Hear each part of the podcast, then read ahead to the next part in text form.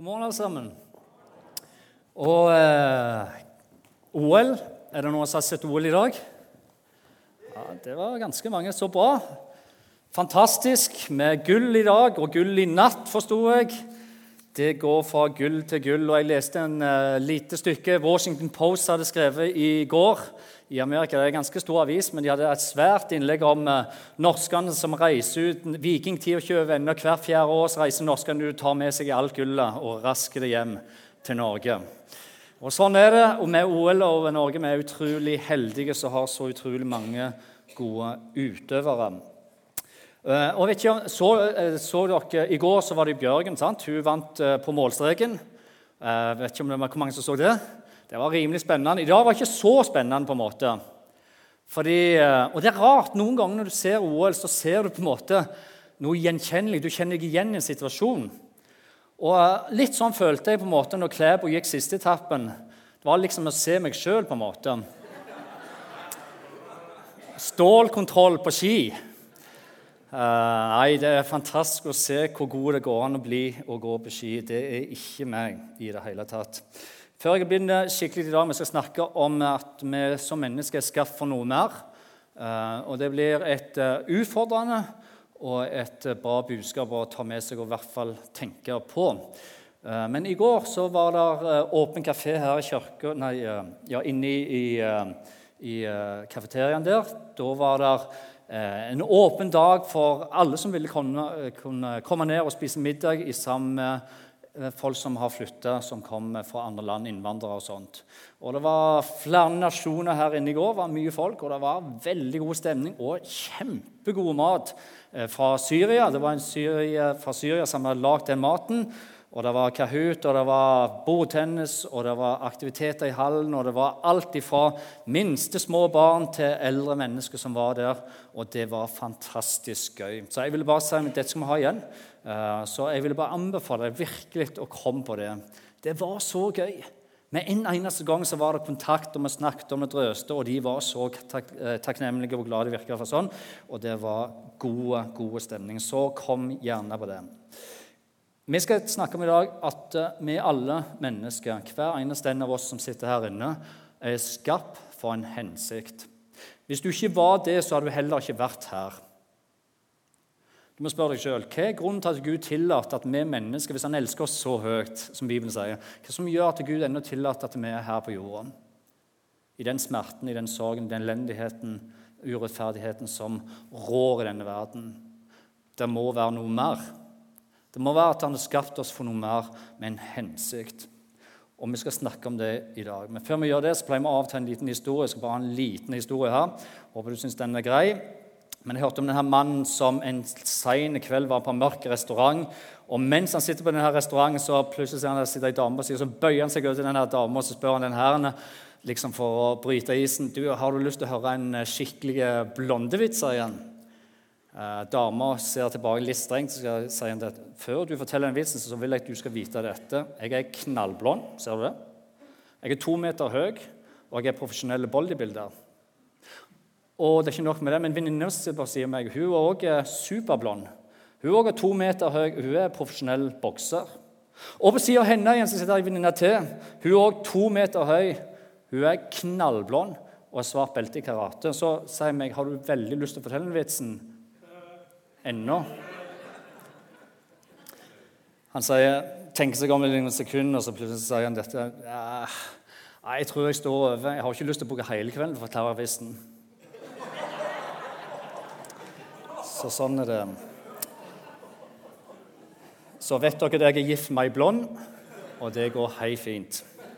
Her til jul så fikk jeg en fantastisk gave av kona mi Lena. Og Jeg vet at det er en stund siden jul, men det er en stund siden jeg har vært her og talt, så jeg er nødt til å fortelle dere om denne gaven. For det var en fantastisk gave. Det var et fantastisk par med fjellsko. Og bare så det er sagt med en neste gang de er helt rå, disse skoene.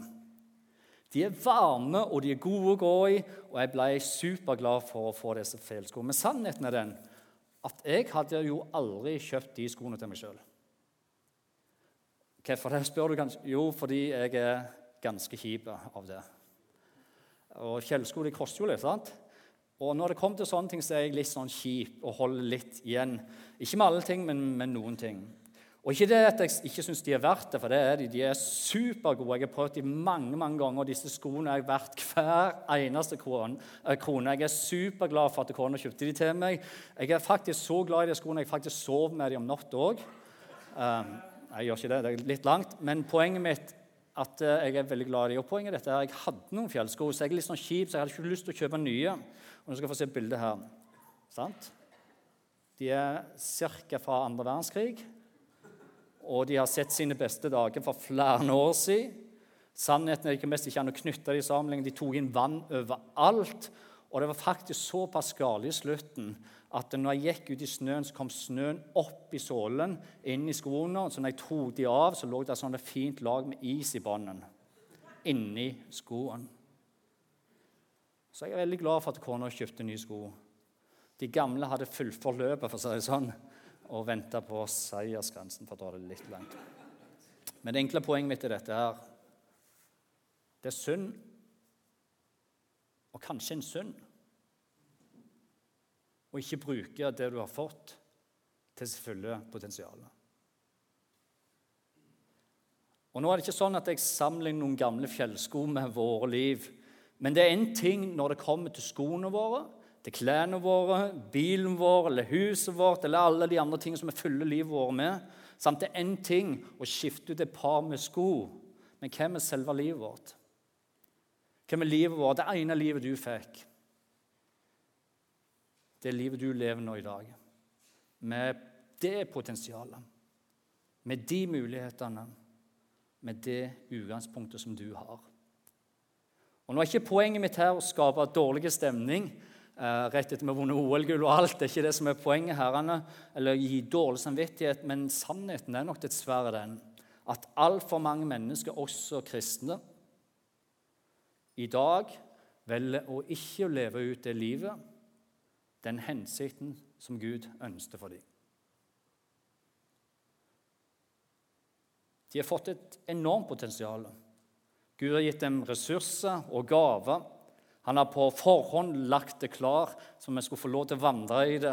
Men det er tragisk at det er altfor mange mennesker vel ikke spør seg hvorfor de er her. Hvorfor et potensial de har, eller hvorfor de har fått så mange gaver og ressurser. Og det her jeg uten tvil ønsker å komme med en påstand. og ønsker å si dette her. Jeg tror uten tvil at alle vi som er her i dag, hver eneste en av oss, ung eller gammel eller senior, ennå har muligheter som Gud har lagt ned foran oss, og ennå ikke har åpenbart eller fullført. som vi ikke har åpenbart eller fullført. Og Hvorfor sier jeg det, og hva mener vi? Jo, for å si det på en annen måte. Jeg tror uten tvil at du og meg var meint til å være noe mer, til å risikere noe mer, til kanskje å overvinne noe mer, kanskje fullføre noe mer eller kanskje erfare mer av Gud i våre liv enn det vi har sett og erfart i vårt liv til nå. Så spørsmålet jeg stiller i dag, er dette Kan det være at nettopp du er skapt for noe mer? Jeg mener hvem er å sponse et barn i nød? Eller hvem er å hjelpe en kollega som er i nød? Eller hvem er å invitere noen inn i husgruppa di? Eller faktisk starte i husgruppa selv og lede i husgruppa? Eller kanskje for deg så handler det om å gjøre familien din bedre. Kanskje for deg så handler det om å ta mannansvaret og være mann. Eller kanskje det er dette som er potensial for deg nå. At du viser ekstra godhet i nabolaget. Eller for noen rundt deg som trenger den slik at denne verden her blir en bedre plass ene og alene fordi mennesket møtte deg. Fordi du vågte å tenke større og tenkte mer enn det du står i nå i dag. At du var skapt for noe mer. Forfatter og pastor John Maxwell han har skrevet utallige bøker om ledelse, og jeg har flere av dem hjemme. og De er bra og de er grundige, og det er masse, masse stoff. Men eh, han skriver en del om dette å leve med en hensikt. Og han skriver at vi alle skulle våge å stille oss dette spørsmålet hvorfor. Hvorfor eller hvorfor eksisterer du i grunnen? Hvorfor er du ennå her? Hvorfor gjør du det du gjør? Og for hvorfor velger du ikke gjøre det du skulle ha gjort? Han fortsetter, han skriver at grunnen til vi må våge å stille oss disse spørsmålene, er ganske enkel fordi når du finner ditt hvorfor, så finner du også veien. Med andre ord, når du vet hvorfor du er her, hensikten med ditt liv, så vil du også finne veien til å kunne fullføre det du skal gjøre. Hør hva Efeserbrev 2.10 sier. Og Bare legg merke til hva det står, og for alt i verden, ikke mist dette her, for det er kjempeviktige ord her. Det står dette For vi er Hans verk. Skal vi stoppe der? Hva var det det sto? For vi er Hans verk. Kan jeg høre dere si det en gang til? En, to, tre. For Veldig bra. Med andre ord Du sa nettopp at vi er Hans verk. Du er hans verk. Du er hans mesterverk. Hans skapning, Guds mesterverk. Så det jeg vil at vi skal gjøre nå, er dette her. Jeg vil at du skal ta de ordene der. Du er hans verk, og så skal du sue de inn i deg.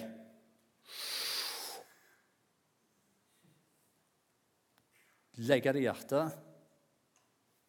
Fordi det er ikke ofte du hører det, er det vel? Det er ikke ofte du hører at du er et mesterverk.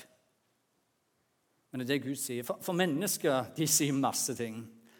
Og De prøver å sette deg inn i sin boks eller de prøver å forme deg til sitt bilde.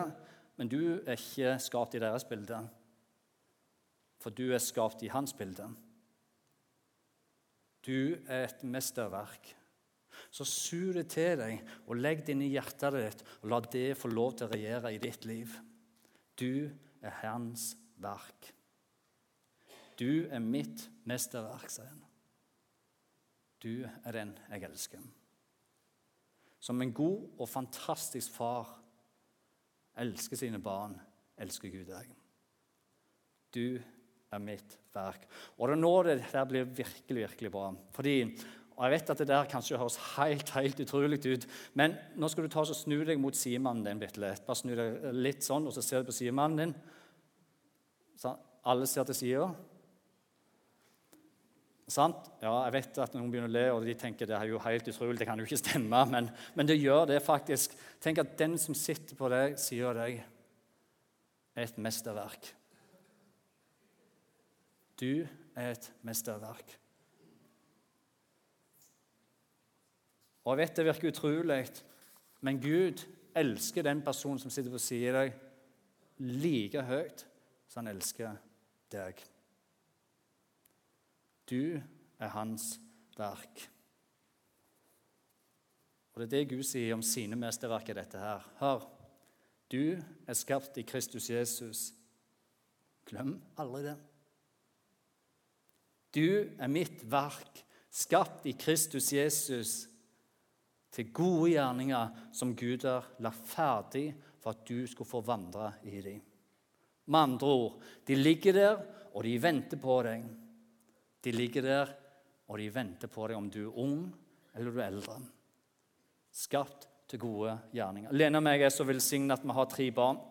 Og så kunne jeg sagt at det har bare vært fryd og gammen. Det har alltid for ungene og kona har oppført seg 100% og alltid, men det er jo ikke sant. sant?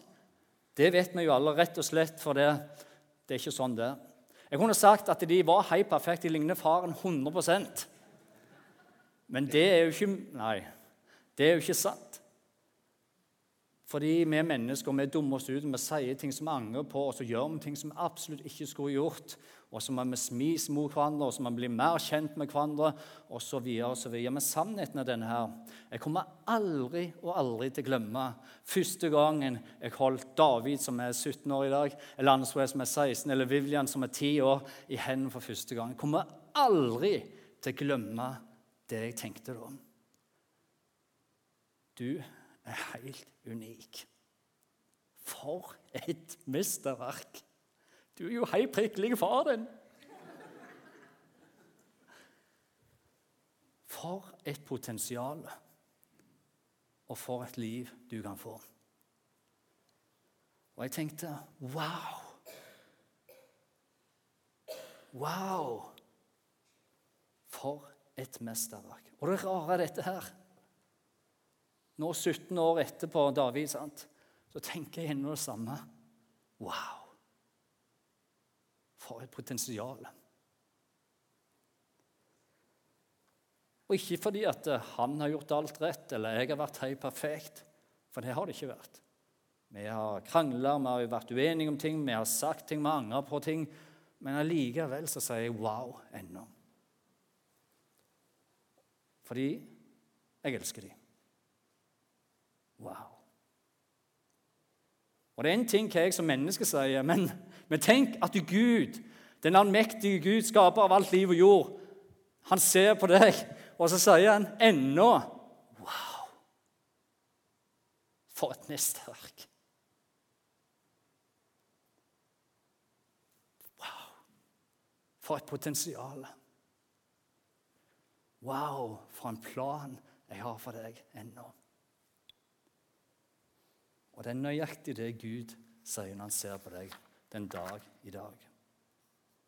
Bare hør hva 2. Korinterbrev 5,17 sier om deg. Det står dette. Den som er i Kristus, hva er den? Jo, den er en ny skapning. Det gamle er borte. Og så står det en ting her, om jeg legger merke til det. Så står det 'komma, se, komma'. Og hvorfor står det 'komma, se, komma'? Jo, fordi det er altfor mange mennesker i dag bare hører og hører og hører, hører, og ikke klarer å ta det til seg og få det ned i hjertet. De klarer ikke å se potensialet i seg sjøl. De leser det kanskje 10, 20, 30, 40, 100 ganger. De hører det om og om, om, igjen at de er en ny skapning. Og allikevel så henger ikke hodet helt med, fordi de bærer på nederlag år etter år etter år. etter år, og det samme kommer opp igjen. Vel, det er ikke sånn Gud er, for det han sier dette her. Komma, se, komme. Det er en ting å høre, høre, men du må se det. Hør, se at du er en ny skapning. Det gamle er forbi. Du er helt unik. Du er et mesterverk den dag i dag. Se det er perfekt. Du trenger å se at det fins ikke noe fordømmelse for den som er i Kristus Jesus. Du trenger å se at Gud han er ikke imot deg, han er for deg. Han ønsker bare det beste for ditt liv. Det du trenger å se, er at Gud han har gitt deg gaver, ressurser, muligheter, overnaturlige gaver som har meint at du skal få lov til å leve inn ut her i livet.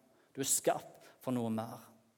Og det du trenger å se, dette her, det er synd og ikke bruke det du har fått, til sitt fulle potensial. Fordi du er hans verk. Det gamle er forbi. Det starter nå. Det nye er blitt til. Og hvorfor vet du det? Hvorfor vet du at det er sånn? Jo, fordi dette handler jo ikke om deg. Alt er av Gud. Det er Gud som har gjort det sånn og bestemt det sånn.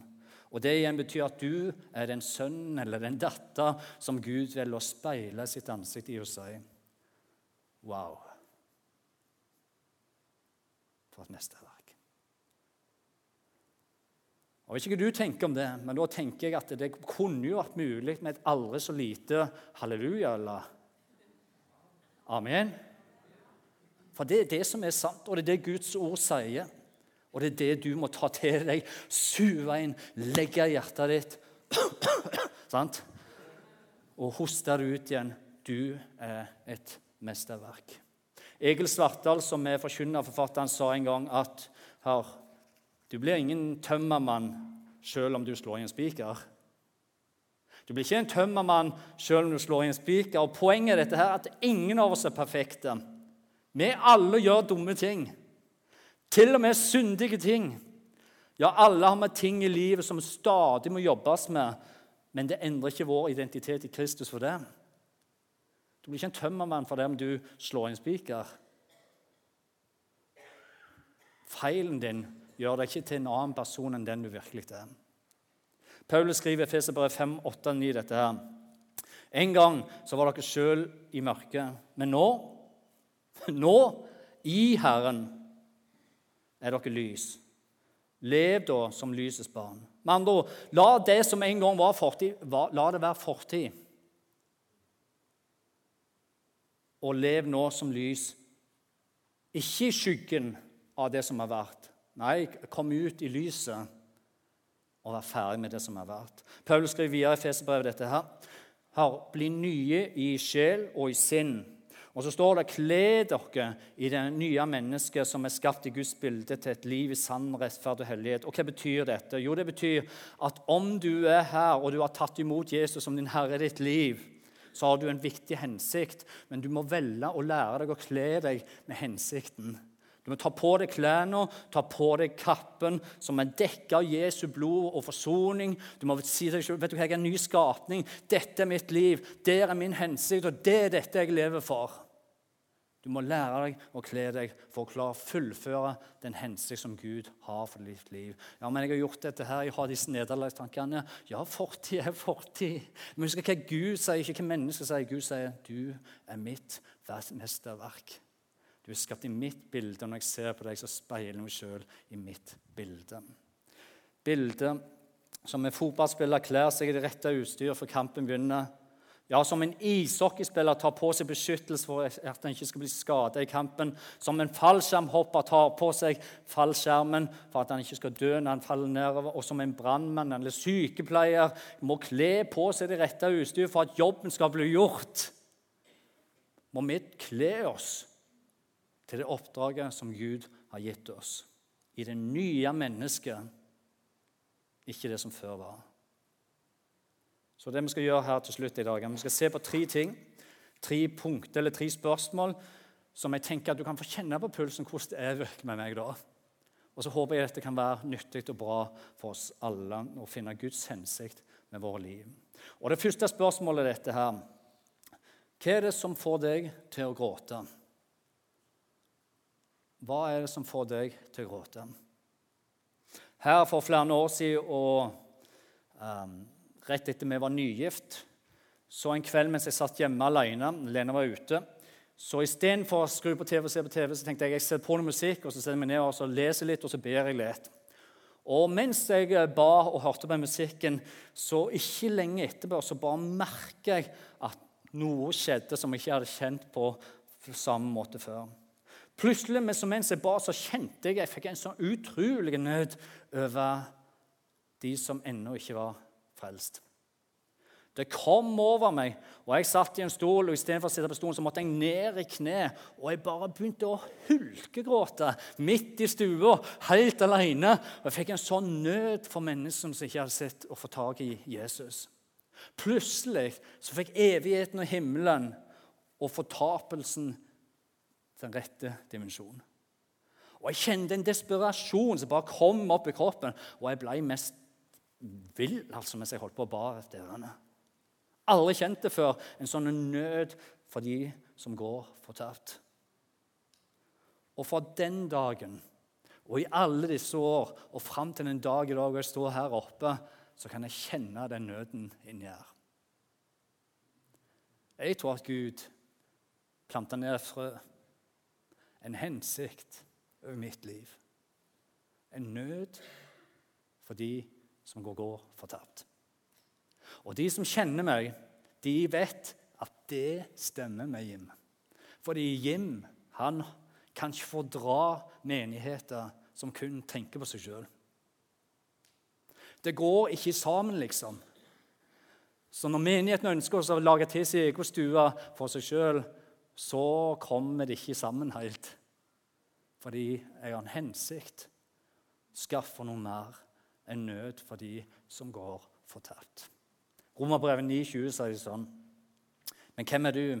Menneske som tar til motmæle mot Gud. Kan verket, altså vi, kan verket si til håndverken som er Gud, da? Kan verket si til håndverkeren, 'Hvorfor gjorde du meg sånn?'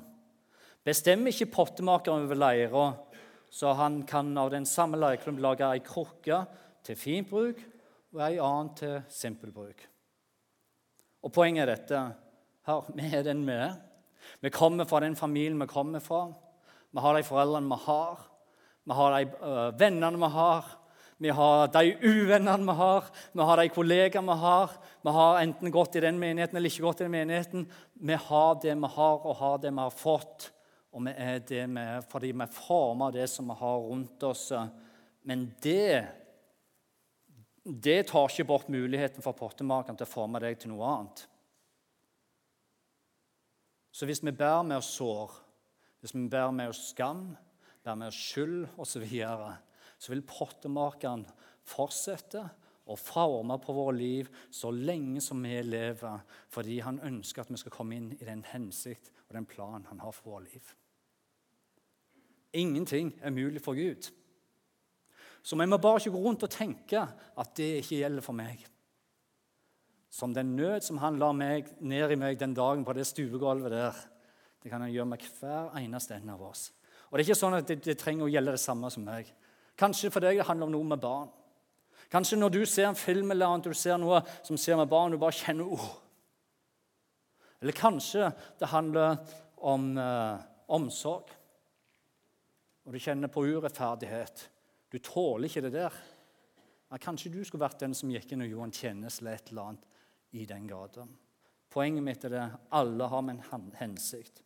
Kanskje det gjelder for de utstøtte. Ja, det har vi rundt oss. Kanskje det er for narkomane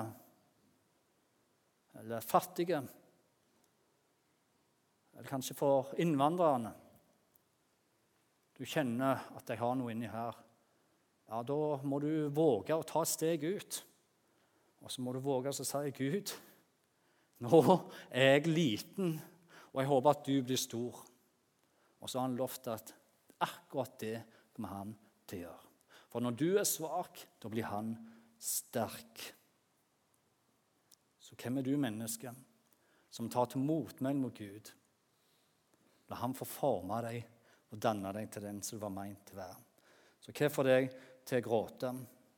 En god venn av meg som pastor, har vært pastor en del år, han fortalte meg for noen år siden en historie som jeg bare kjente han greip meg.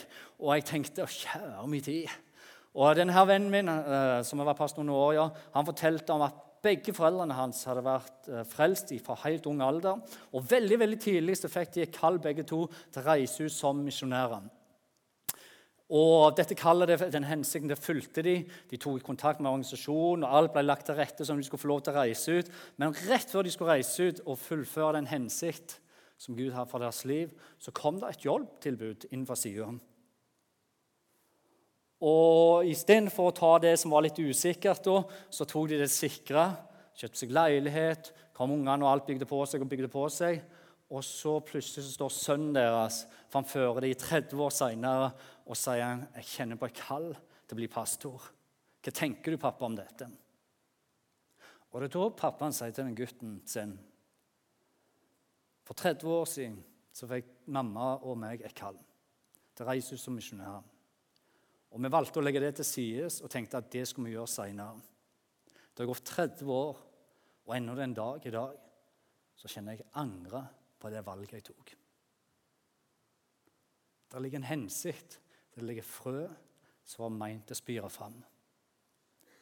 Og hvorfor forteller jeg historien her? Poenget mitt er dette Gjør ikke det, du. Gjør ikke det. Våg å ta steget ut. Tenk at du er skapt for noe mer. Og våg å stole på Gud, at du får lov til å gå i ferdiglagte gjerninger.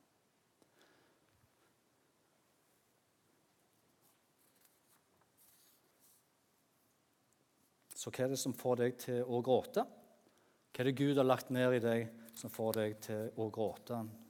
Så skal inn i de andre spørsmålene. De to neste de er kortere enn det første. Og det andre spørsmålet er dette her. Hva er det som får deg til å synge? Og Da er det sikkert noen her som blir utrolig letta når forteller, jeg forteller at det handler ikke om sang. dette her. Det handler ikke om at du skal synge mye rundt omkring, men det handler mer om hva som får ditt indre til å synge. Eh, takke, prise, Gud, eller engasjere deg i Guds rike. 2. Timotees brev 2,15 sier dette. Hør, sett alt inn på å stå din prøve overfor Gud.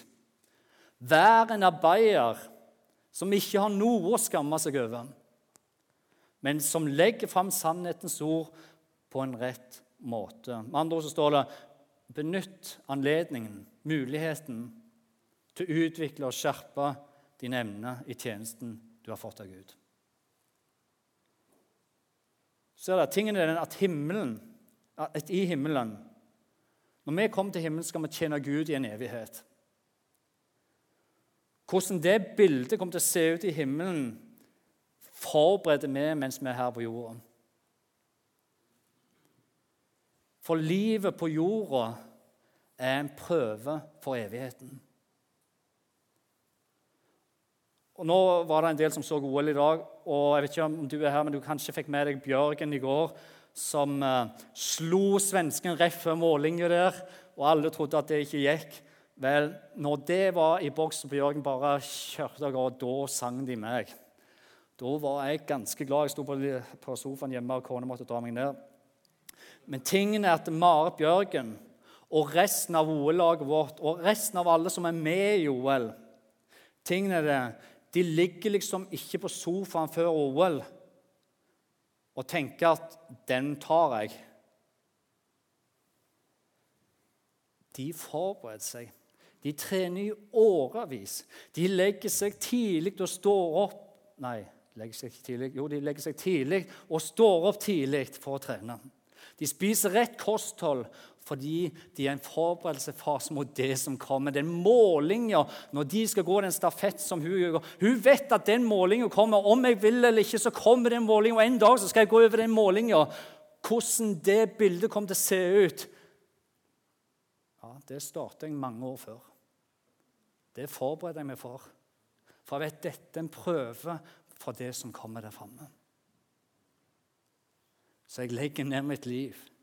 Jeg gjør en innsats. Jeg hiver meg oppi det. Jeg stoler på at dette holder, og så tar jeg livet og legger det til rette for den måløya som kommer. Og det greia her, Så kan vi flytte det over i vårt liv òg. Det er jo sånn det er. En dag så skal vi òg stå med ei måling her. Hvordan ser det bildet ut? Skal vi få med oss mange da? Ja. Skal vi jobbe med våre liv? Ja. Skal vi forberede oss? Ja. Skal vi våge å feile, våge å tape, våge å vinne? Ja, Vi kan alle se for oss den dagen der. Kanskje vi skal ta det ansvaret som følger med. Så hva får deg til å synge? Den beste måten tenker jeg, å oppgave vår gave på og evne på, er og nå må jeg ha gått etter. Den beste måten å oppdage om Gud har en hensikt med vårt liv, er å praktisere livet vårt i tjeneste. Hva mener vi med det? Tingen er den at mange bøker nå i dag og Jeg vet det, for jeg har lest det, og jeg har det hjemme òg. Mange bøker og mange nådegavetester i dag anbefaler oss at vi skal begynne oppdagelsesprosessen først, sånn at vi skal finne vår tjeneste. De sier 'finn din åndelige gave først', sånn at du kan gå inn i tjeneste. Sannheten er den at virkeligheten faktisk er stikk motsatt. Det Jesus lærte, var dette. Begynn å tjene nå i dag. Prøv deg fram på forskjellige ting. Test det ut, og så plutselig så sier det klikk. Her er min tjeneste. Altfor mange mennesker i dag tar nådegavetest, og de blir litt skremt og de blir litt sånn tilbakeholdne. Og så sitter de og venter og venter, og året går, og de sitter der i sofaen, og målingen den kommer nærmere og nærmere. nærmere, nærmere, nærmere. Ta det praktiske først. Og Jeg ble litt engasjert nå. Jeg håper Går det greit, eller? Åh, ja, Det håper jeg går fint. Det sier og Så skal vi inn i det tredje og siste punktet. her, og det er dette. Vi skal stille oss i front til Guds hensikt til dette. Hva er det du er god til? Om en gang jeg spør det, så er sannheten den at i hvert fall der på Jæren som jeg kommer fra Hvis jeg hadde stilt det spørsmålet til jærbuene, så er sannsynligheten veldig veldig stor for at de hadde svart øh, øh, Jo, uh, skal vi se tror, ikke, jeg tror ikke vi er så gode til noe sånn særlig. Men sånn er det ikke i Lyngdal, er det vel? Sant? For i Lyngdal så svarer vi ikke sånn, eller gjør vi vel? Det rare er dette at i Norge så elsker vi å si dette, at det er typisk norsk å være god. Så lenge det gjelder noen andre enn meg sjøl. Sant? Sannheten er den at vi er ganske forskjellige. Og det samme kan du si om alle de tolv disiplene som Jesus hadde. De var veldig forskjellige. Med forskjellige emner, forskjellige gaver, forskjellige personligheter. Noen var, ble for såra, andre var brautende og kjørte på, osv. Veldig forskjellige, men du verden for team de var i sammen. For en mulighet når de kjørte i samme spann, altså og drog samme veien. I Johannes evangelium 17 så sier Jesus dette.: Som du har sendt meg til verden, far, sånn har jeg nå sendt deg til verden. Og På samme måte som Jesus sendte sine tolv disipler, så sender han hver eneste en av oss ut i verden. Han sender deg, deg, deg, deg, deg, deg, deg og meg. Som jeg har sendt du har sendt meg, har jeg nå sendt de ut i verden. Og alle vi har fått gaver. Overnaturlige gaver. Hensikter som ligger der, som Gud ønsker å bruke for sin plan. Du er hans verk. Du er en ny skapning. Det gamle er forbi. Våg å ta et trosteg. Våg å prøve noe nytt. Våg å komme ut fra komfortsonen. Våg å si det som er sannheten ved ditt liv. Det er store muligheter, stort potensial. Er ingen mennesker for å begrense deg. Søk råd, det er bra, men stol først på Guds stemme over ditt liv. Han sier du er et mesterverk. Det gamle er forbi. Du er en nyskapning. Du har så mange tanker og gode ting for deg. Jeg har så mange planer for denne menigheten. Du er mitt verk. Amen. Så må jeg be sammen til slutt. Gode Far i himmelen, vi ønsker bare å takke og prise og ære deg, Herre. Vi takker deg for alle de mulighetene som du har gitt den enkelte av oss. Og så ser du at alle våre liv er forskjellige. Det er ingen av oss som er lik, Herre. Og til og med vi som har vært gift i sammen eller gått i sammen i årevis, vi kjenner i grunnen ikke den personen som sitter på siden av oss, eller som går sammen med oss, så godt som du gjør, far. Og oppi det og inni alt det, både sår, smerte, vanskeligheter, glede og triumfer og alt i livet, Herre, så sier du at vi er unike med ditt verk skapt til gode gjerninger i Kristus Jesus. Og Da tenker jeg sånn, far, da vil jeg bare si tusen takk for det. Det fins ingen forskjell på noen av oss her. Du elsker hver eneste av oss like høyt. Så jeg ber Herre for denne dagen og uka som kommer for den enkelte av oss, Herre. Hjelp oss til å være lyttende til din stemme. Hjelp oss til å søke deg, Herre. Hjelp oss til å våge å tro det som du ser over vårt liv. Og hjelp oss til å finne hensikt og din plan med vårt liv. Ingen av oss var meint til å bare sitte på sida, på innbytterbenken, Herre. Så jeg ber Herre om at du kaller oss ut og hjelper oss til å være lyttende. I Jesu Kristi navn. Amen.